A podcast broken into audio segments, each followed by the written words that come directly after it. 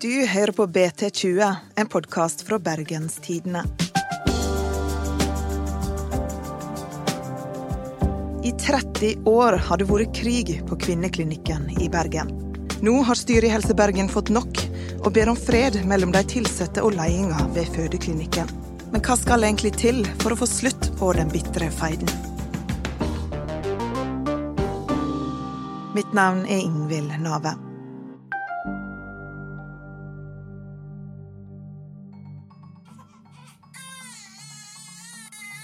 Kvinneklinikken i Bergen virker å være forfulgt av konflikt.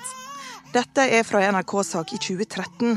Da kritiserte fylkeslegen tryggleiken for de fødende ved klinikken. Etter ei rekke alvorlige hendinger og klager får kvinneklinikken nå refs av fylkeslegen. Avvikene er så alvorlige at det har gått utover tryggleiken. I 2016 var krangelen i gang igjen. Da handla det om kutt i liggetid og nedbemanning. Sykehuset har planer om å kutte kraftig i liggetiden for kvinnene etter fødsel. I forrige uke så ble 19 årsverk kutta på KK. Og Jordmorforbundet er uroa for om kvalitetskravene innen fødselsomsorga blir fulgt.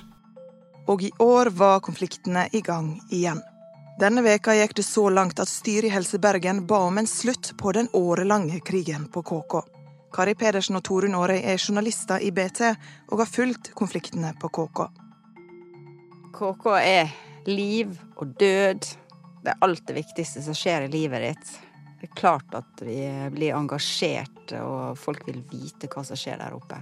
Når du har vært der én gang, så vet du hva det går i. Hva er det som er konflikten nå? De siste årene så har det handlet veldig mye om arbeidsforholdet, og da særlig for jordmødre og sykepleiere. Og da helt spesielt på fødeseksjonen. Det er jo et stort hus, mange hundre ansatte, men det er liksom fødeseksjonen som eh, striden har stått på. Det er jo da jordmødrene og sykepleierne som gjør opprør, og mener at eh, de springer for mye. Det er farlig for pasientene eh, når de tidvis eh, ikke rekker å være til stede eh, hos de fødende hele tiden, men må gå fra stue til stue. De aller siste årene så har det først og fremst handlet om penger og stillinger på fødeseksjonen. Men det har jo i mange, mange år vært uro rundt KK.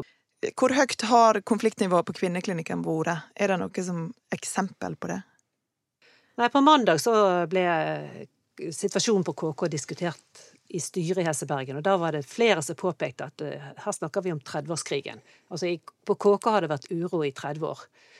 Uh, nå har ikke vi fulgt KK i 30 år, men vi har jo sett at det har forandret seg, og det har utviklet seg. Der det for noen år siden handlet om ja, medisinske forhold, legenes løsninger, bruk av keisersnitt, og så ble det mye diskusjon rundt liggetid, barselsforhold og sånn, så har det da liksom i de siste, den aller siste runden vært eh, først og fremst ressurser og arbeidsmiljø. Men hvorfor blir det aldri ro?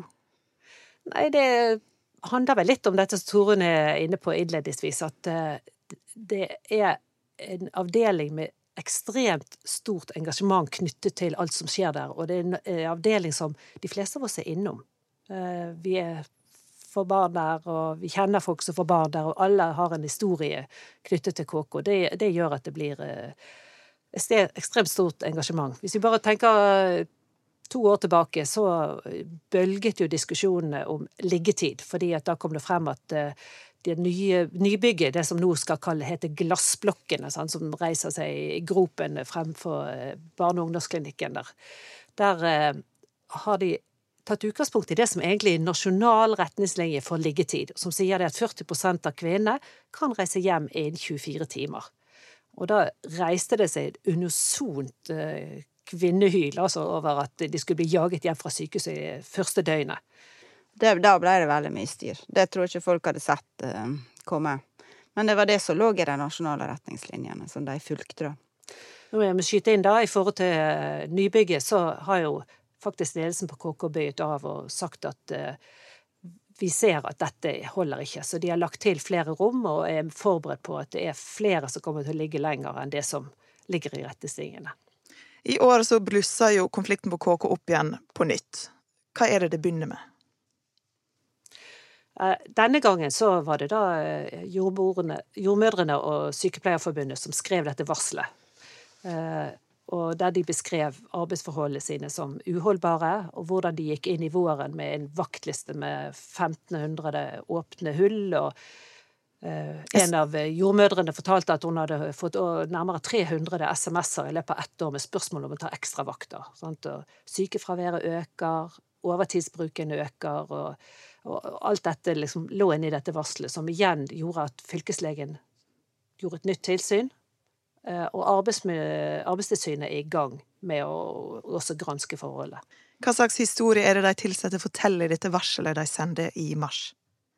De beskriver jo da eh, eh, tøffe arbeidshverdager. Sant? Ansatte som drar gråtende hjem fra jobb, og som ikke rekker å gå på toalettet og få spist matpakken sin.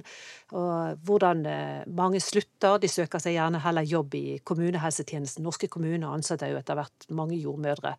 Dette mener de da går utover pasientsikkerheten. At dette store presset som de arbeider under, går utover pasientsikkerheten. Eh, de tillitsvalgte de er heller ikke særlig fornøyd med denne løsningen som eh, ledelsen tyr til, der de nyansatte jordmødrene får 50% jobb på en avdeling på KK, og 50% på det som heter Bemanningssenteret, som er en slags sånn vikarsentral på Haukeland. Eh, de, de, får jobbe på KK, men de vet jo da ikke helt alltid hvor de skal brukes, og blir satt inn i helgevakter og, og kort, ved korttidsfravær osv. Ledelsen mener at de, det er den eneste måten å få vaktplanen til å gå opp på, da, mens de tillitsvalgte sier at det skaper jo utrygghet, de gjør eh, KK mindre attraktiv som arbeidsplass for jordmødre. Og KK opplever jo også det nå, at det er vanskelig å få tak i jordmødre. Har noen av de kvinner som har født babyer på KK, sagt noe om hva de syns? Mitt inntrykk er jo at uh, mange er positivt overraska. Uh, de forteller det gikk jo helt fint. jeg fikk være der i mange dager. Um, det var helt fantastisk, de som hjalp meg. Så jeg er litt usikker på i hva grad de fødende har merka det. Men noen forteller jo om det også, at det har vært hektisk der, og at de har slitt, og at uh, noen blir sendt ut før de har kommet skikkelig i gang med amminga, og de har hatt rifter som ikke er skikkelig De måtte tilbake for mer behandling og så. Så det har jo variert, men jeg tror sånn generelt at mange har kommet og sagt det, det gikk jo utrolig bra. Men samtidig så var det jo sånn at på den siste undersøkelsen til Folkehelseinstituttet, der de spurte fødende landet rundt om hvordan de hadde opplevd fødsel og barseloppholdet, så kom altså Haukeland når det gjaldt barsel, dårligst ut sammen med Hammerfest sykehus. Der eh, sier jo Haukeland nå at nå har de gjennomført sin egen eh, undersøkelse på barsel, og, og, ønsker å gjøre noe med barselforholdet. fordi at uh, til nå har det virket som at ledelsen hver gang de er blitt kritisert for dårlige forhold på barselavdelingen, så har de sagt ja, det, vi har altså gammelt bygg, og det er så vanskelig, sant? men vi skal jo få nytt nybygg i 2023. Men nå sier de at vi kan ikke slå oss til ro i fire år med at vi skal få et nytt bygg. Vi må nødt til å gjøre noe med forholdet på det stedet vi er nå. Så kvinneklinikken sånn som det er nå, er blant de to dårligste fødselsavdelingene i landet ut ifra den undersøkelsen? Når det gjelder barsel. Når det gjelder barsel. Også på fødseldel så skårer eh, Haukeland dårligere enn gjennomsnittet, da, men det er ikke så urovekkende lavt som eh, på barsel. For det de ansatte vil ha, det er mer ressurser nå. Mm. Men hvor mye ressurser har KK sammenlignet med andre fødeavdelinger i Norge? Underveis da i denne prosessen som har gått i vår, så har eh, Bergen, en arbeidsgruppe av Helse Bergen har laget en stor rapport der de har sammenlignet eh, Haukeland med fødeklinikken i Stavanger og Trondheim. Eh, og den, i den rapporten så går det frem at KK har kuttet mer enn de andre fødeklinikkene har gjort. Og at fødsler på KK er billigere enn eh, på de andre fødeklinikkene. Jeg tror jeg slo opp på frontalet her og så det at fødsel i Bergen var 21 000, og i Trondheim kostet den 26 000. Så, så vi har faktisk pris per baby? Pris per baby. Det var pris per baby. Og uh, en annen ting som uh, var slående da, uh, er jo at KK klarer å holde den planlagte keisersnittandelen nede. Um, som også selvfølgelig er med å gjøre fødsler billigere, men det gir også dårligere inntekter for KK. Men akkurat det med at, de, eh, at en fødsel er billigere i, eh, i KK, det fikk vel eh, KK fikk vel ingen konsekvenser for ressursene der. Ledelsen sa vel at de ikke så, så det som så eh, stor forskjell at de ville, ville sette inn, inn flere. De har jo bedt om 16 nye stillinger på KK. For en skulle jo tro at når de tok imot de billigste babyene i landet, at de hadde litt penger de kunne bruke på f.eks. å øke stillingsprosenter og sånn. Men sånn er ikke det fungerer. Signalet fra styret på mandag var jo jo, nå må de søke sammen og de må finne fred, men det er også klart at eh, styret mener man må se litt på bemanningen og ressursbruken på KK. Eh, og det som de også kanskje kan lære av de andre klinikkene, det er at der har de et mye større innslag av barnepleiere og helsefagarbeidere som kanskje kan avlaste jordmødrene. Kanskje kan tre støttende til på barsel og være rådgivende i barnestell og i amming osv. Så videre, sånn at jordmødrene kan være fristilt og få konsentrere seg om fødselsarbeidet, som der må de ha jordmødrene. Så eh, jeg vil jo tro at en av de tingene som kommer til å skje nå, er at der vil bli tilført en del eh, ressurser til å støtte jordmødrene med andre faggrupper på sykehuset. Og barnepleiere er billigere arbeidskraft enn ei jordmor, da. Så, du kan det, spare litt penger der. Mm. Men eh, så er det jo også, blir det jo også sagt blant jordmødrene at det er En ting er ledelsen i Helsebergen, men eh, du er egentlig det, er håp, det er egentlig håpløs jobb uansett hvem som hadde styrt deg, fordi eh, finansieringsmodellen, den som bestemmer hvor mye du får betalt per baby, den er i utgangspunktet håpløs. Eh, sånn at eh, det er like mye et signal til Høie som til eh, deres ledelse. Helseministeren, altså. Ja. Helseministeren Bent Høie. Altså, man ønsker jo en endring av finansieringsmodellen, slik at det blir lønnsomt å være effektiv og ha god, en god barselomsorg. Men hvordan fungerer denne ordninga nå? Er det sånn at hver gang det kommer ut en baby på kvinneklinikken, så får de 21 000 inn på konto? Eh, nesten. nesten. nesten. Ja. Sykehusene er jo stykkprisfinansiert og innsatsfinansiert, sånn at Uh, og den, litt av den pengeknipen og ressursknipen som er på KK, den handler jo om det store bildet i samfunnet der vi får færre barn. Så det var et toppår på KK for tre år siden, tre-fire år siden, 2015. Uh, og siden den gang så er det blitt ja, 600-700 færre fødsler i året. Det var over 5000 ja. Eh, på det meste, og så har det gått jevnt nedover, da. For nå ligger vi vel på rundt 4008 eller noe ja, sånt? 4-6. Ja. Mm. Og det er 15-20 millioner i minus, og det utgjør jo litt når budsjettet ligger på 300 og et eller annet. Men er det trygt å føde på kvinneklinikken? Hva sier statistikken? Eh, både statistikken og fylkeslegen eh, sier jo litt om det, og fylkeslegens konklusjon er helt klar i, år som det var for tre år siden, at det er trygt. Eh, pasientsikkerheten er godt ivaretatt, og ledelsen jobber seriøst med de avviksmeldingene som er der. En ting som jordmødrene også har vært opptatt av, er jo dette nasjonale kravet at kvinner i det som heter aktiv fødsel skal ha én-til-én-kontakt med jordmor. At det skal være jordmor hos dem. Um, og det kan være vanskelig å få til når det topper seg med veldig mange fødsler.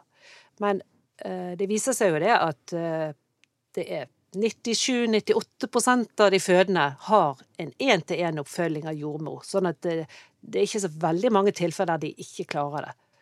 Men hva har ledelsen tenkt å gjøre for å få ned konfliktnivået nå, da? I denne siste runden så har de gått inn og begynt å analysere liksom, Eh, når skjer avvikene, når eh, rapporteres det om uheldige hendelser. Og eh, har når de analyserer disse tallene, så ser de at det topper seg enkelte dager, enkelte helger osv. Og, så og har startet en diskusjon om hva kan vi gjøre for å unngå å få disse toppene med opp mot 20 fødsler i døgnet. Da begynner situasjonen å kunne bli farlig. Så Blant de tingene de kan gjøre, det er jo å styre når setter de i gang fødsler. For mange fødsler må jo settes i gang med medisiner. Det de har også sagt at eh, noen kan bli sendt til Voss for å føde på Voss. Eh, få satt i gang en fødsel og føde på Voss for å holde nede og holde sikkerhet i, i høysetet i Bergen. De har også laget egne verktøy nå for å trene jordmødrene i hva må vi gjøre uansett, og hvilke arbeidsoppgaver kan vi legge til side når det topper seg.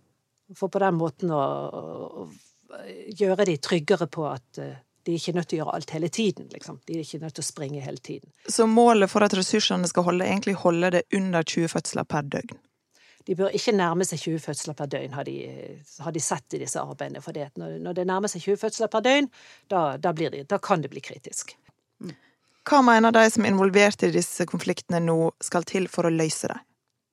Ut fra hva tillitsvalgte sier, så høres det ut som de mener at uh, de tillitsvalgte og ledelsen er nå i en mer god prosess. De snakker med hverandre og uh, blir involvert, reelt involvert. Uh, ikke slik det har vært før. Eksempel da de laget denne rapporten i vinter, da de tillitsvalgte ønsket å få inn, hente inn tall om sykefravær og merarbeid og intervjuer om arbeidsmiljø osv.